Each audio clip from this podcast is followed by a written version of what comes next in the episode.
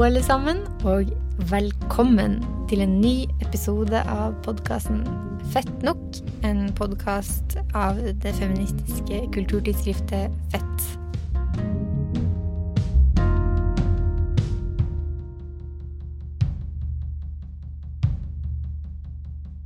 Jeg heter Hanne Ryn Skogvang, og med meg her i dag så har jeg Jenny Schnaller. Hei. Og på den andre sida av et glassvindu, eh, altså nye koronarestriksjoner i studio, så har jeg altså Mari Lilleslåtten. Hallo. man hører det ikke, og man ser det nesten ikke, men det er veldig eh, trygt for eh, koronasmitte her. Ja. Vi skal gjøre vårt beste for å ha deg med i samtalen hele tida. Eh, I denne podkasten skal vi som vanlig snakke om både aktuelle og evig aktuelle tema for feminismen. Og vi skal både prate litt om tidsskrift og om statuer. Men aller først så skal vi prate litt om Camilla Harris.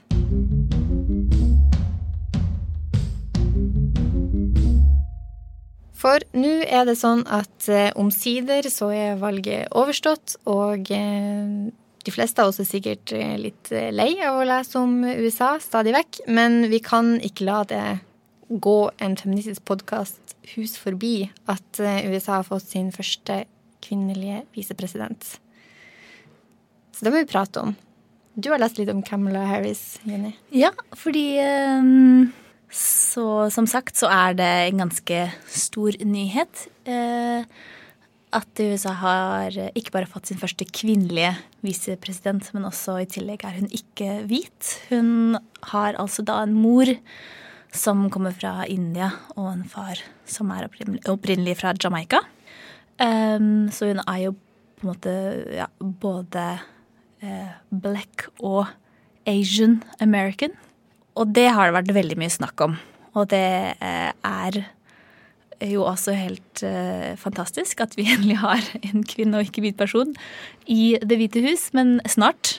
Men uh, spørsmålet blir jo fortsatt hvem er hun egentlig? Utenom det. Kamala Harris, jeg vet ikke. Kjenner dere, Har dere hørt noe om henne uh, litt mer? Hva hun står for? Hva hun gjør? Jeg tenker det er litt det spørsmålet mange stiller, og at det, eh, nå om dagen, og for så vidt også for en stund siden, så er det veldig mange eh, podkaster, nyhetsartikler, som er sånn Hvem er hun? Denne kandidaten. Og så er det ikke sånn helt tydelig hva hun egentlig står for, og at kanskje det også var noe av det som var grunnen til at hun ikke ble demokratenes kandidat. At det, det var litt uklart hva som var Kamala Harris' eh, prosjekt.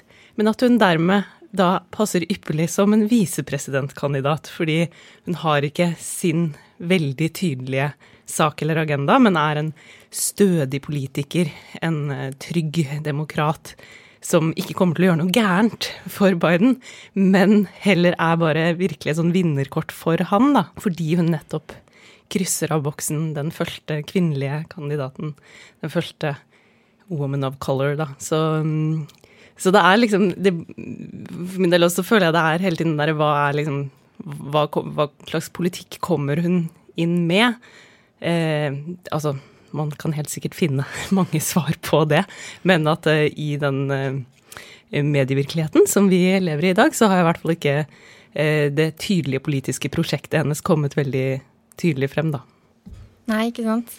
Og det har jo vært sånn ekstremt mye fokus på at hun er kvinne, og glad er selvfølgelig vi for det. Og en av grunnene til at akkurat det får så mye oppmerksomhet, er jo også bare fordi det er helt åndssvakt at det ikke har skjedd før, selvfølgelig. Men eh, apropos det at hun er kvinnelig, så har jeg også lyst til å trekke fram at en av de første lengre artiklene som jeg leste om henne etter at hun holdt sin vinnertale, var ikke om selve talen, men om antrekket som hun hadde på seg.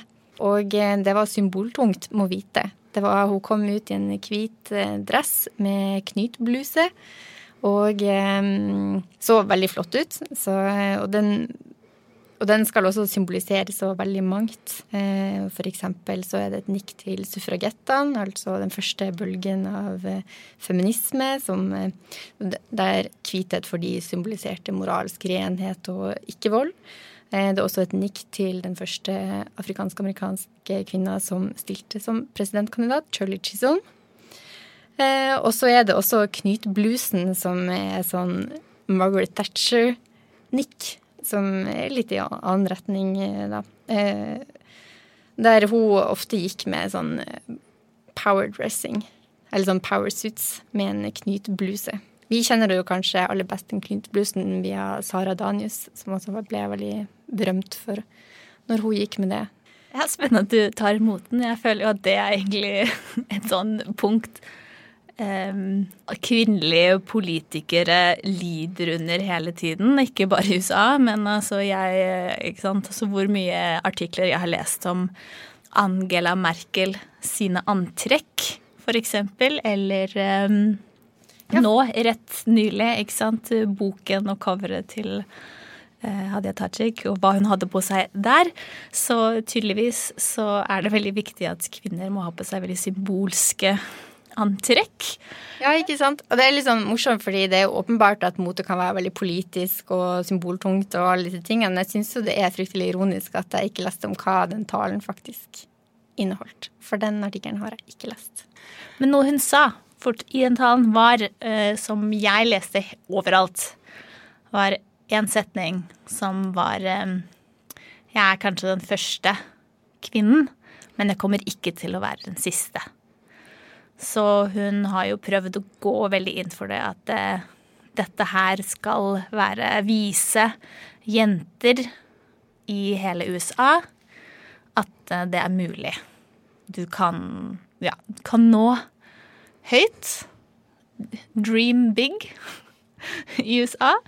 Men um, ja, og jeg er jo for så vidt enig, men samtidig så er jeg også litt skeptisk, for hun har jo egentlig ikke ordentlig blitt valgt. Altså hun var jo et litt sånn veldig politisk, tror jeg, da, smart trekk fra Biden, men det var jo fortsatt eh, De valgte jo fortsatt en hvit, gammel mann, hovedsakelig. Og det er litt trist.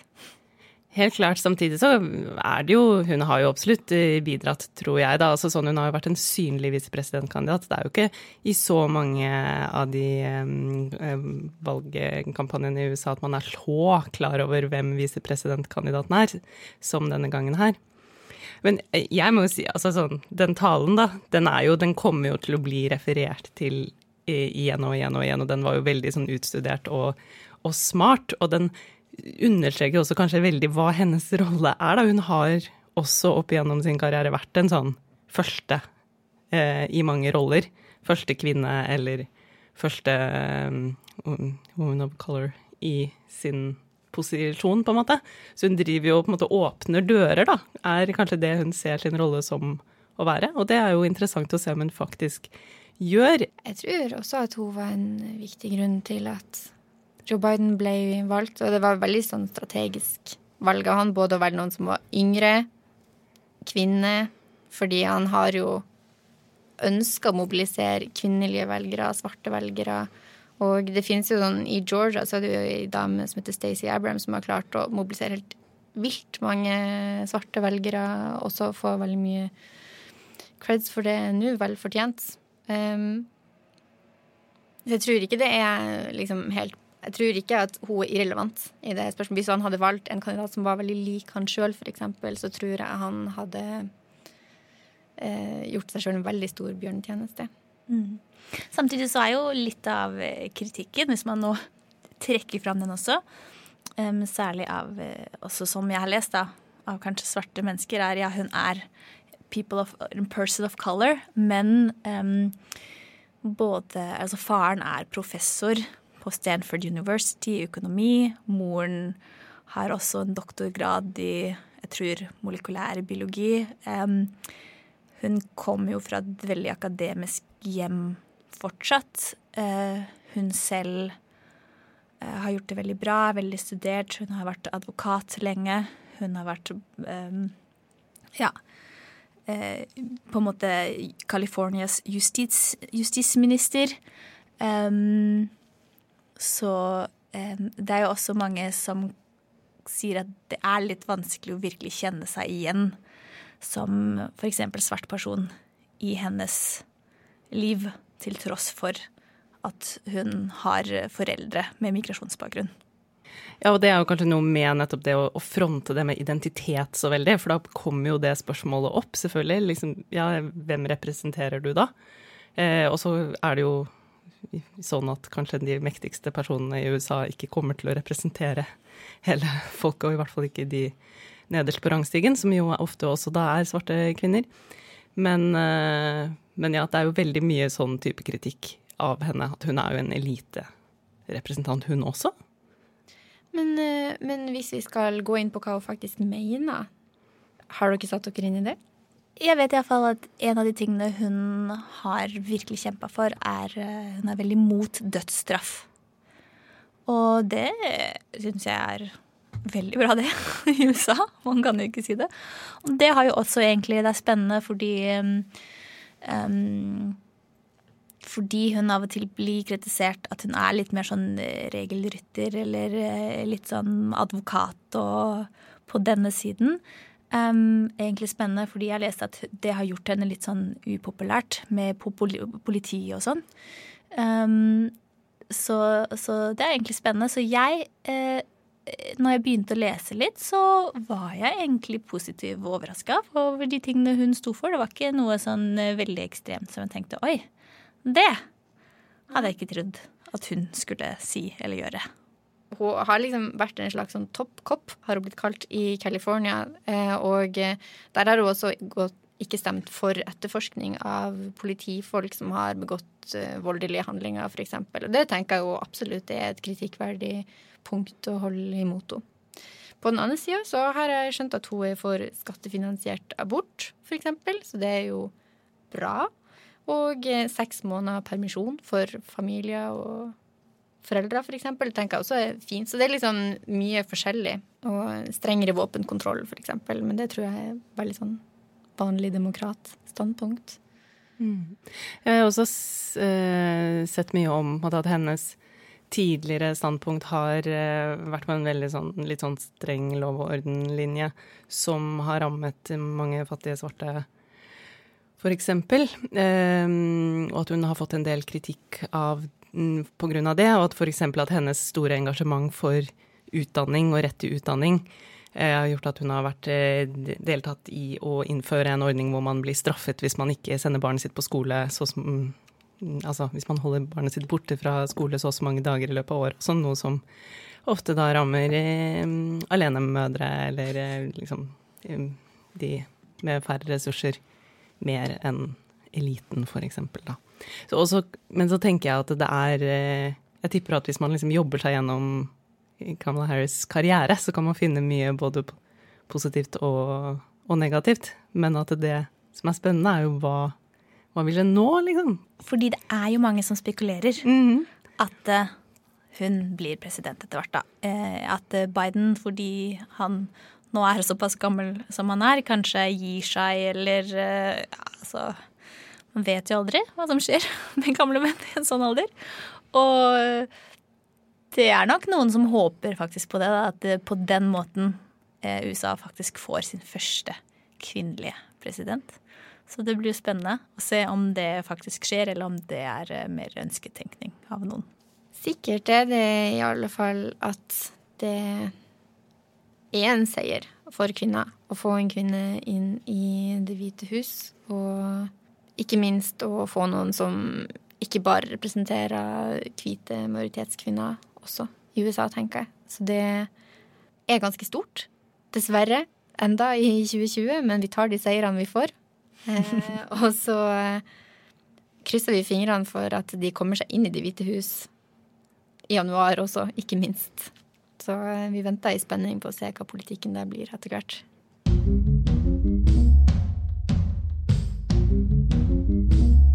Vi skal nærmere Norge, men eh, ikke helt innenlands. Vi skal til London, der det har kommet en eh, ny statue av et annet feministisk forbilde, nemlig Mary Wollstonecraft. Kan ikke du ta oss med dit, Mari? Ja, altså det er jo eh, Statuer er jo, som vi har blitt eh, klar over, et eh, brennbart tema. Og nå har det kommet en ny statue av Mary Wollstonecraft, altså 1700-tallstenkeren, som er kjent som kanskje en av de første feministiske filosofene. Den ble avduka i eh, november eh, i et sted som heter Newington Green, som ligger nord i London. Det er da i nærheten av der som hun har bodd eh, på slutten av 1700-tallet. Og uh, denne skulpturen, da, den uh, er laget av en kunstner som heter Maggie Hambling, og har kommet på plass etter ti år med innsamling av penger. Så den er altså etterlengta. Men har nå da stort sett bare fått kritikk.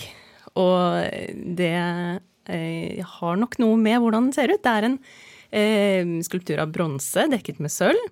Og så er det en sånn slags abstrakt blanding av liksom kvinnelige former. Men på toppen så stikker det opp en liten dame. Og det skal ikke egentlig forestille Mary Wollstonecraft, men være en sånn slags every woman som skal representere mer sånn kanskje kvinnen, eller hennes tanker om kvinnen, eller hvem vet. Men uh, denne lille uh, kvinnekroppen, som er på sånn ca. 10 cm stor, Eh, det er en veldig sånn standard idealkropp som vi er vant til å se, sånn tynn og velforma, og da helt naken. Um, uh, så ja, den har fått mye kritikk av uh, kanskje åpenbare, kanskje ikke så åpenbare grunner. Hva tenker dere om at Mary Wollstonecraft, som var veldig opptatt av kvinners intellektuelle evner, og at kvinner er vel så egna som menn til å delta i eh, utdanning, arbeidsliv, eh, politisk liv osv. Eh, er blitt hyllet med en eh, statue av en bitte liten naken kvinnekropp. Altså, måtte, det er veldig vanskelig å forestille seg denne statuen, så jeg oppfordrer faktisk eh, hørerne til å på et eller annet tidspunkt kanskje google det en gang for å se Gjør det med en gang ja. du mens på denne samtalen. Ja, må se hvordan det ser ut. Fordi jeg, jeg måtte jo Jeg må jo være helt ærlig at jeg måtte faktisk le når jeg så den. Det var liksom min første reaksjon. Jeg vet ikke hvorfor, fordi Men det var Jeg tror det var bare så langt unna av noe jeg forventa. Og så syns jeg det var så rart at de bare At de putta en sånn bitte liten kvinnekropp på toppen. Um, som, særlig når du ikke vet bakhistorien, kanskje første tanken er jo er dette, Skal dette være Mary Wollstonecraft naken? I kjempeliten. Og det morsomste var jo også når de bildene først kom, fordi da var det jo ikke egentlig bilde av den hele statuen, det var et bilde av en naken kvinnekropp øverst. Og så innser du at den er bare ti centimeter, når du da får Når jeg endelig så de store bildene av hele statuen. Også det, og ti centimeter, det er så lite. Ja, og, er, ja, og den, ehm, den, delen under den kvinnekroppen, den har jo Den er jo kanskje mer sånn at man står og lurer litt på hva det er, at den kanskje setter i gang andre tanker. Men uh, den delen har jo ikke fått noe oppmerksomhet i det hele tatt. Det er jo selvfølgelig den nakne kroppen. Og det er jo noe med det. Altså sånn som uh, Rousseau, da, som uh, Wolsoncraft kritiserer. ville man laget en altså Det kan jo selvfølgelig hende det fins, men jeg spør, stiller spørsmål likevel. Ville man i dag reist en statue av eh, Jean-Jacques Rousseau uten klær? Jeg tror ikke det. Men når du sa det om Rousseau, så kom jeg på at på Rudolf Nilsens plass i Oslo, så, eh, så er det jo en kliss naken mann som står på sokkel høyt eh, over alle i den lille parken der på Grønland, Tøyen i Oslo. Så det fins jo noen mannlige helter som har eh, Som står naken på sokkel også. Ikke sant. Og det er jo, man har jo, hvis man går lenger tilbake, så er det jo mange nakne kropper, absolutt. Men det er jo gjerne abstrahert. Altså det er jo mer sånn menneskemannen eh, Eller at det på en måte representerer noe annet enn eh, ideene til en filosof, tenker jeg da. Og eh, jeg noterte meg at Caitlin Moran skrev på, eh, på, Twitter altså sånn at hvis det først skulle være en naken versjon av Mary Wollstonecraft, at hun heller ville se henne liksom døende mens hun fødte, da hun bare var 38. Noe som jo veldig mange kvinner gjorde på den tiden, fordi at eh, leger ikke hadde lært at de skulle vaske seg på hendene før de prøvde å redde fødende kvinner. Og at det, altså sånn vis noe som forteller oss noe, som rører oss på den måten i stedet. Mm. Ja, og jeg tenker jo også det ble jo gjort en sånn Eller for et par år siden så kom det ut en bok som heter Fast plass. Og eh, der er det en sånn gjennomgang av statuer av kvinner i Norge som er navngitt, og da er det vel 80 de kommer fram til at fins i Norge på det tidspunktet. Jeg tror det er i 2017 at den kom ut. Eh, og eh, men det er jo ikke det at det ikke fins andre statuer av kvinner. Det er bare det at de er mer generiske, at de kanskje er naken, at de, er gjerne en mor med et barn. Altså det, det, er veldig lett å se for seg disse statuene. Og det er kanskje litt mer de tankene går når man ser eh, Mary Wollstonecraft-statuen. Også den virker litt generisk. For som du sa, Mari, så er jo framstillinga av Every Woman veldig sånn veldig typisk skjønnhetsideal. Det er ikke noe særlig normbrytende ved det i um, det hele tatt. Og eh, hvis det skulle vært en every woman, så kunne det både vært en annerledes kropp, som var mer eh, realistisk, for det første, eller det kunne vært eh, noe som skjedde med en vanlig kropp, som hun dø i barnefødsel, f.eks. Så jeg tenker liksom at den forklaringa det hjelper overhodet ikke på tolkning av statuen, da. Og det er jo et fantastisk initiativ. Altså, det er jo kjempefint. Altså, jeg er jo absolutt for mer kvinnelige statuer og, å hylles kvinnelige heltinner og folk generelt. Men uh, jeg skjønner at når det har vært ti år med innsamlingsaksjon og uh, masse penger og jeg vet ikke hva kunstneren tenkte på, må jeg være ærlig, men jeg skjønner at kanskje folk blir litt skuffa over akkurat det som eh, kom fram der. Og jeg vet ikke om det er um, Ja, jeg for har, Man er så vant til hvordan statuer ser ut, og at den bryter på én måte med det pga. størrelsen, og på en annen måte ikke bryte med det i det hele tatt, fordi du har jo igjen den nakne kvinnen, og det blir sånn et rart konsept. Men um, ja, jeg må også bare innrømme at det er ikke Ja, it doesn't spark joy. Nei, si det sånn. ikke i det hele tatt. Og så er det jo, eller ikke sant, altså det er um, denne En statue for Mary Wollstonecraft kunne jo kommet for 100 uh, år siden, eh, og ikke sant, 80 kvinner eh, som er eh, hedret med en eh, statue i Norge. Det er, det er få historiske kvinner som eh, får en sånn eh, Som blir feiret på den måten. Men samtidig så er det jo også noe litt sånn dobbelt i det òg, da, fordi at det, kvinnekampen, eller altså kampen for kvinners rettigheter, den feministiske bevegelsen, er jo også Ja, det er kjempeviktig å løfte frem de enkeltpersonene eh, som har tenkt tanker, eller som har liksom inntatt posisjoner som har vært viktige. Men det er jo også en kollektiv kamp. Så det her med å, det her med å sette opp eh, statuer av enkeltpersoner går jo så litt imot det kollektivistiske, eller hva tenker dere om det?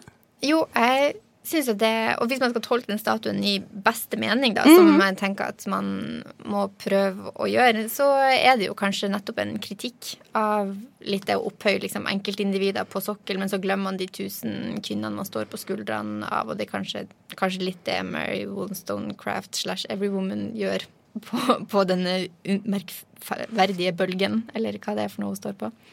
Eh, og jeg synes jo at det er en litt sånn tendens i dagens feminisme også til å henge seg veldig opp hva enkeltpersoner sier og gjør. Er dette feministiske, dette feministiske, hun feministisk, eller er det ikke? Som jeg syns er en sykt uinteressant diskusjon veldig ofte.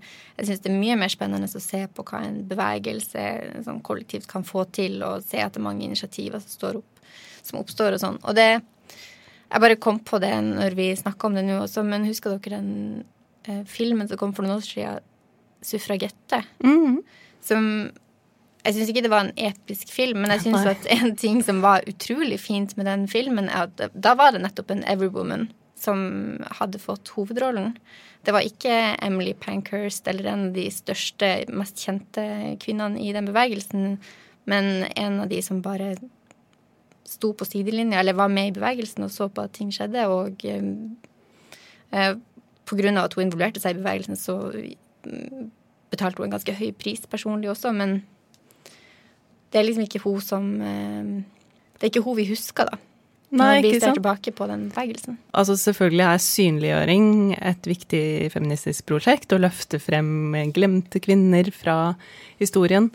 Eh, men samtidig så er det jo mange som Ja, man kan løfte frem de som, de som faktisk fikk publisert tankene sine, eller de som ble politikere, eller de som eh, som vi har mulighet til å huske, på en måte. Men det er jo også veldig mange som, som feilet, liksom, i å eh, prøve å delta i kampen for, eh, for et bedre liv for kvinner. Eh, det er liksom, Ja, vi feirer seire, men det er jo også veldig masse tilbakeslag og veldig mange ting som ikke har blitt vunnet frem. Så det er jo på en måte Ja, det er liksom baksiden av å, av å feire um, vellykka enkeltkvinner og det å feire seire, da. på en måte. Synd at vi ikke kan dra til London Det er veldig synd. akkurat nå for å faktisk se på den. Kanskje den er eh, Kanskje den gir mer life i det, Det- ekte liv. Så eh, neste gang, når vi noen, noensinne får lov å dra til London igjen, så er jo det et veldig fint eh, stoppsted. Mm. Jeg kan også bare nevne at eh, eh, i denne kontroversen da, rundt eh, denne statuen, så har eh, eh, en annen statue som er under bygging, fått mye oppmerksomhet, og dermed også mye penger. Fordi det er en annen kunstner som jobber med en statue av en fullt påkledd Virginia Woolf som sitter på en parkbenk. Og hun har også fått mange donasjoner, nesten som en protest mot henne, da. Så hvis vi venter lenge nok, så får vi kanskje sett begge hvis vi drar til London. Men eh, hvis dere skulle satt opp en statue i morgen, hvem ville dere, hvem ville dere valgt? Nei, jeg tenker kanskje siden vi nå nettopp har eh, vært Eller vi er midt i en pandemi, og eh, det er også sånn at det var likelønnsdagen i går. Så fra nå av så betaler også Eller så jobber kvinner gratis eh, ut året i Norge. Eh, fortsatt så tjener kvinner om lag bare 87-88% av det menn tjener. Så her har jeg sett for meg at det kunne vært fint med en statue av sykepleiere og renholdere eller noe sånt. Men eh, ikke som enkelt Eller sånn Bra idé. Kanskje vi skal starte en innsamlingsaksjon? Ja, jeg tror det tar sånn om lag ti år.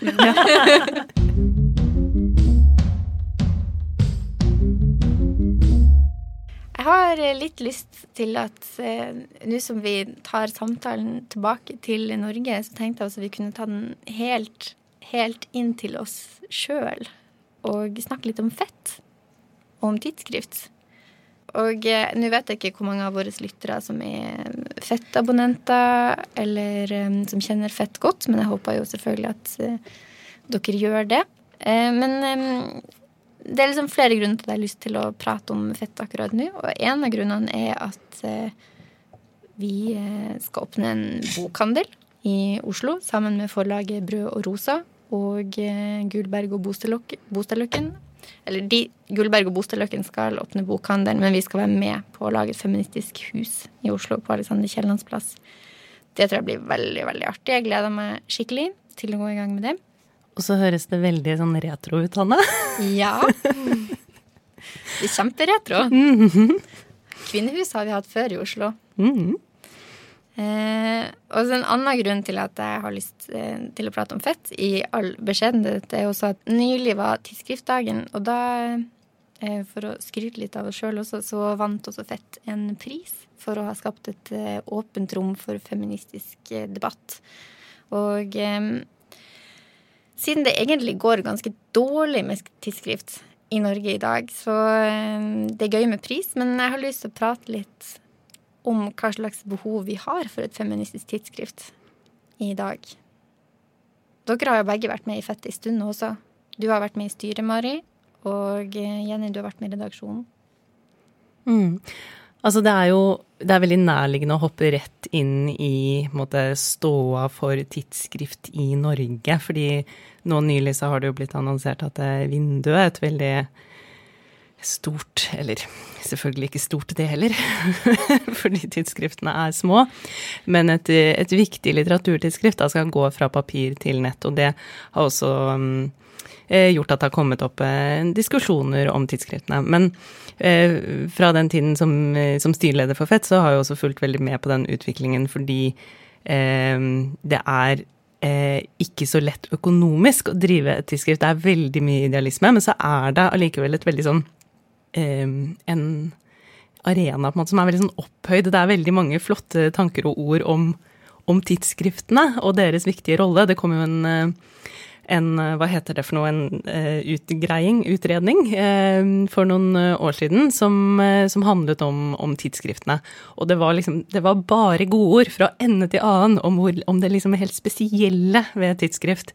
Og særlig papirtidsskrift, at disse er så viktige. ikke sant? Og det, jo, det handler jo om måte, at det er en helt sånn spesiell måte tidsskriftene fanger tidsånden på, hvis du vil måte, studere hva, hva folk Eh, diskuterte eh, en viss periode, så gå til tidsskriftene, på en måte. Eh, og så er det jo det at det er rom for refleksjon og tenkning på en helt annen måte enn dagspressen eller skjønnlitteratur gir. Så det er et sånn mellom, mellomrom. Eh, og så er det jo liksom ja, at det, le, at det er en helt sånn, en sånn haptisk kvalitet med å sitte med papirtidsskriftet. Så det er jo helt eh, Det er stor enighet i visse sirkler om at tidsskriftet har en høy verdi. Men så er det jo det at det er ikke så veldig mange som kjøper de tidsskriftene. sånn at det, da er jo spørsmålet litt sånn Er det liv laga, da, økonomisk eh, sett? Ja, for det er jo helt fantastisk å holde et sånn eh, tidsskrift i hånda og kjenne på det. Og jeg, lukt, liker lukten og sånn, er sånn mm -hmm. av, av, alt. Men uh, så sitter man jo på trikken og leser og har på mobilen sin. Um, så det er jo litt sånn det Å raskt få informasjon, ha akkurat det tilgjengelig hele tiden. Bestemme selv, søke selv hva man vil lese akkurat der og da. Um, det er jo noe vi på en måte blir så vant til nå. Og tidsskrifter går jo veldig mot det, fordi du får hos oss f.eks. et tema um, som vi bestemmer. og, og det Ja, det er jo Jeg tror det er sånn veldig sånn Folk liker det, egentlig. Og vil ha det i teorien, men så i praksis blir det kanskje ikke gjennomført og lest like mye som man skulle ønske. Nei, jeg tror nok at uh, du har litt rett i det. Dessverre. Og jeg er også blant de som um, Jeg har en tendens til å bli litt romantisk når jeg snakker om uh, tidsskrift og sånn, og syns det er en veldig spennende del av norsk skriftkultur. Syns at det er kjempefint. å Eh, og liksom bruke tid på sånn papirkvalitet og sånn. Og jeg syns det var så gøy. En gang så fikk vi en sånn mail fra en abonnent som nettopp hadde Eller en person som nettopp hadde tegna abonnent, og var sånn Det var veldig fin papirkvalitet på tidsskriftet. Det var veldig dumt med det klistremerket med adressen på baksida, fordi det var veldig stygt. Ødela liksom uttrykket på bladet for øvrig. Da kjenner jeg jeg blir sånn kjempeglad, fordi vi bruker jo veldig, veldig mye tid på det papirproduktet. Eh, og jeg er ganske opptatt av sånn materialiteten i det hele også eh, generelt. Men så skal vi også åpne et fysisk feministisk hus i 2020 mens alle andre stenger ned. Så vi går jo litt mot strømmen og eh, koser oss med det. Det må jo også nevnes at det er at da vi bytta ut designere for noen år siden, så var det veldig viktig å ha noen som har et feministisk design. Vi var jo veldig nysgjerrige egentlig på hva det var, men det er jo nettopp at det er hele pakka. ikke sant? Det er jo ikke bare tekstene, det er også hvordan, hvordan man får de presentert når man leser de. Mm.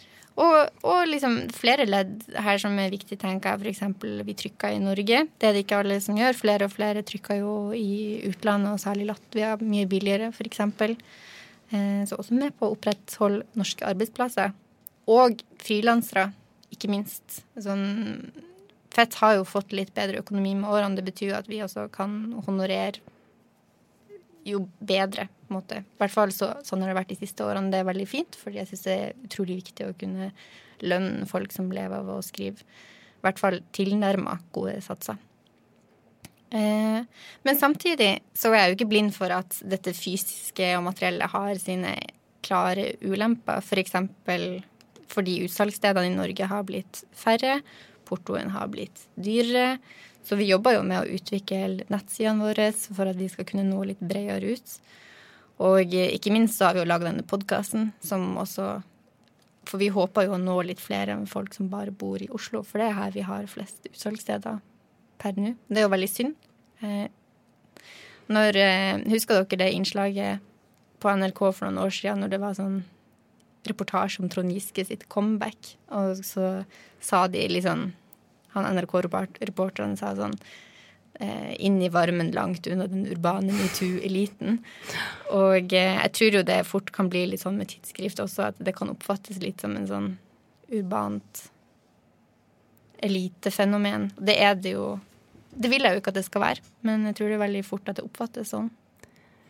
Helt uh, klart. Og um, det er jo Da Fett starta, så var det jo mer som et sånn litt sånn glossy blad. Det har jo blitt mer og mer et um, et tidsskrift, hvis, man, hvis, hvis, det er et så tydelig skille mellom de to tingene. Da. Jeg kjøpte mitt første fett, altså det første fett, på eh, Mix-kiosken på Geilo. Og om den fortsatt fins, så selger de i hvert fall ikke fett der lenger. Altså den distribusjonen som fett hadde da det starta, er jo ikke eh, tilsvarende nå i det hele tatt. Så da er jo nett også viktig, og, og, og podkast også. Men, men, jeg tenker at det eh, Den måten å behandle temaer på, eh, som tidsskriftet gjør på papir, kan jo videreføres på nett. Eller, for det er jo noe med den logikken med at det ikke skal gå så innmari fort. Men at det er, det er redaktørstyrt. Altså det er du som bestemmer hva det skal handle om, og plukker og rekrutterer folk som skriver. Selvfølgelig sammen med en, en redaksjon, men likevel det er en, en lengre prosess da, enn den logikken som er sånn hvis man er frilansjournalist, eller altså hvordan man velger å skrive i dag, så må man jo gjerne forholde seg til en logikk som handler om å eh, sørge for at folk klikker på den saken som ligger på forsida en, en viss tid, eller i sosiale medier. Men at det er eh, den muligheten for å liksom gå litt i dybden, tenke litt mer langsomt om noe, og særlig kanskje da spørsmål som feminister er opptatt av, som ofte liksom blåses opp som sånn så polarisert som overhodet mulig, eh, når det er i liksom den debatten til hverdags, så er det eh, veldig viktig å ha det rommet. En, altså, om det så er på nett, da, så er det liksom i, i tidsskriftets ånd å kunne ha et sånt rom for å tenke langsomt, tror jeg bare er veldig verdifullt. Ja, og det er jo liksom Feminismen rommer ekstremt mange komplekse spørsmål også. Fordi det spenner seg liksom fra det mest private til det mest politiske, og ofte i en og samme håndvending. Så det er utrolig sånn kompleks og interessant materie å skrive om. Eh, så det er jo veldig, veldig gøy og et privilegium å få lov til å jobbe med på den måten, tenker jeg. Og så må man jo også altså, Ja, jeg er jo redaktør, men jeg har en veldig kompetent redaksjon med meg som jeg har jevnlige møter med, og som er med på å forme hele tidsskriftet. Vi har jo gjesteredaktør Priya Beins, som, skal redigere, som redigerer det nummeret som kommer ut til jul. Så det er jo også et eh, slags kollektivt prosjekt der man I hvert fall jeg har lært nesten alt jeg kan om å skrive gjennom å være et skrivende redaksjonsmedlem i tidsskriftet før jeg ble redaktør. Og jeg tror det er ganske mange som publiserer sin første tekst også på en plattform som Fett. Og det er jo litt derfor vi fikk en pris eh, også. Så det er også en slags skriveskole for veldig mange, der man også får motstand. fordi det er jo mange som tenker sånn ja, nå skal jeg finne opp hjulet og skrive den artikkelen, og så er det kanskje sagt mange ganger før, men kanskje kan man finne en sånn ny vinkling på det, eller Det er ofte mye interessant man kan gjøre med en tekst, da, og det bruker vi ganske mye tid på med også mindre erfarne skribenter. Som jeg tror er veldig verdifullt da, på sikt. Ja, og jeg syns Fedda er jo veldig flink på å ha mangfold av forskjellige tekster og skrivemåter og synspunkt. Selv om det også er litt sånn Det er jo en litt nisje. Vi er jo et nisjetidsskrift, må vi bare Eller ja. motsi meg. motsi meg. Altså det finnes jo masse som er mye mer nisje. Det er jo um, Ja, jeg skal bare prøve å komme på det. Men det er jo et eget tidsskrift for oversettelse, liksom. Altså det er jo eh, Og det er, hvis man går litt mer ut i sånne magasiner, så er det jo altså jeg syns alt er mer nisje enn det, liksom. Altså det, det fins for uh, folkemusikk og for bil og for uh, ski og sykkel, liksom. Så uh, hvorfor er fett mer nisje enn det? Jeg vet ikke. Jeg hadde en morsom samtale her om dagen med en som var bibliotekar i Bergen fengsel, som fortalte meg at fett var ikke veldig populært akkurat i Bergen fengsel, da. Så det var alltid De abonnerer tydeligvis på oss, og det er jo det er jo kjempefint, faktisk. Men eh, det var tydeligvis alltid det siste tidsskriftet som ligger igjen. Så eh, innsatte i Bergen fengsel er kanskje ikke helt mål, målgruppen vår. Jeg vet ikke. Ja, vi får jobbe litt med det. Men vi kommer med et nummer om rus til, til våren. Ja. Kanskje det kan treffe litt bedre da? Det kan hende at treffer. Må jobbe litt med forsidemotivet, så det liksom går rett inn i Bergen fengsel. Mm, men jeg tenkte på det du sa om mangfold av stemmer, er jo veldig Det er jo også en viktig, viktig rolle som tidsskriftet har. Det med å liksom være et sånt sted hvor stemmen kan vokse frem. Og så er det jo liksom Det er ganske høy terskel for å bestemme seg for å skrive en tekst som skal publiseres offentlig? Eller er det, eller er det på en måte for Jeg vet ikke. Generasjon Z er kanskje mer sånn som bare vil ut der, uansett hva de har på hjertet. Men jeg husker da i hvert fall at det satt langt inne og skulle skrive noe som andre skulle lese.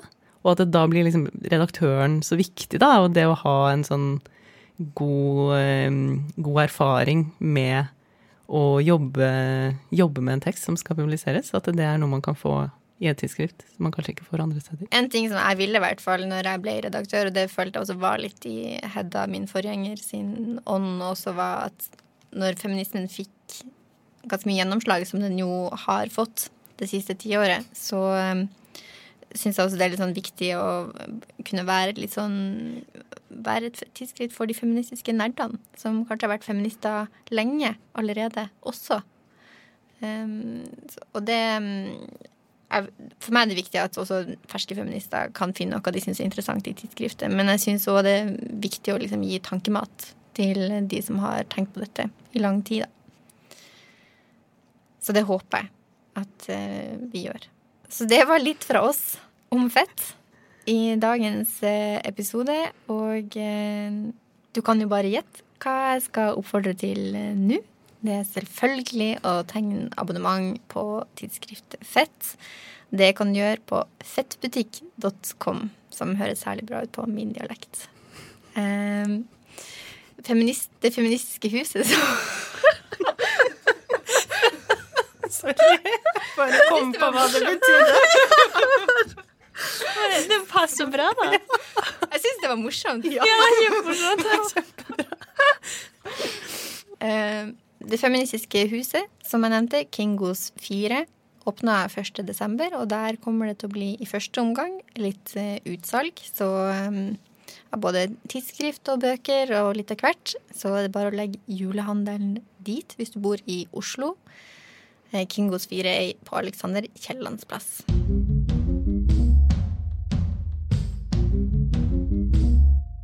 Tusen takk for at du har hørt på denne episoden av podkasten Fett nok.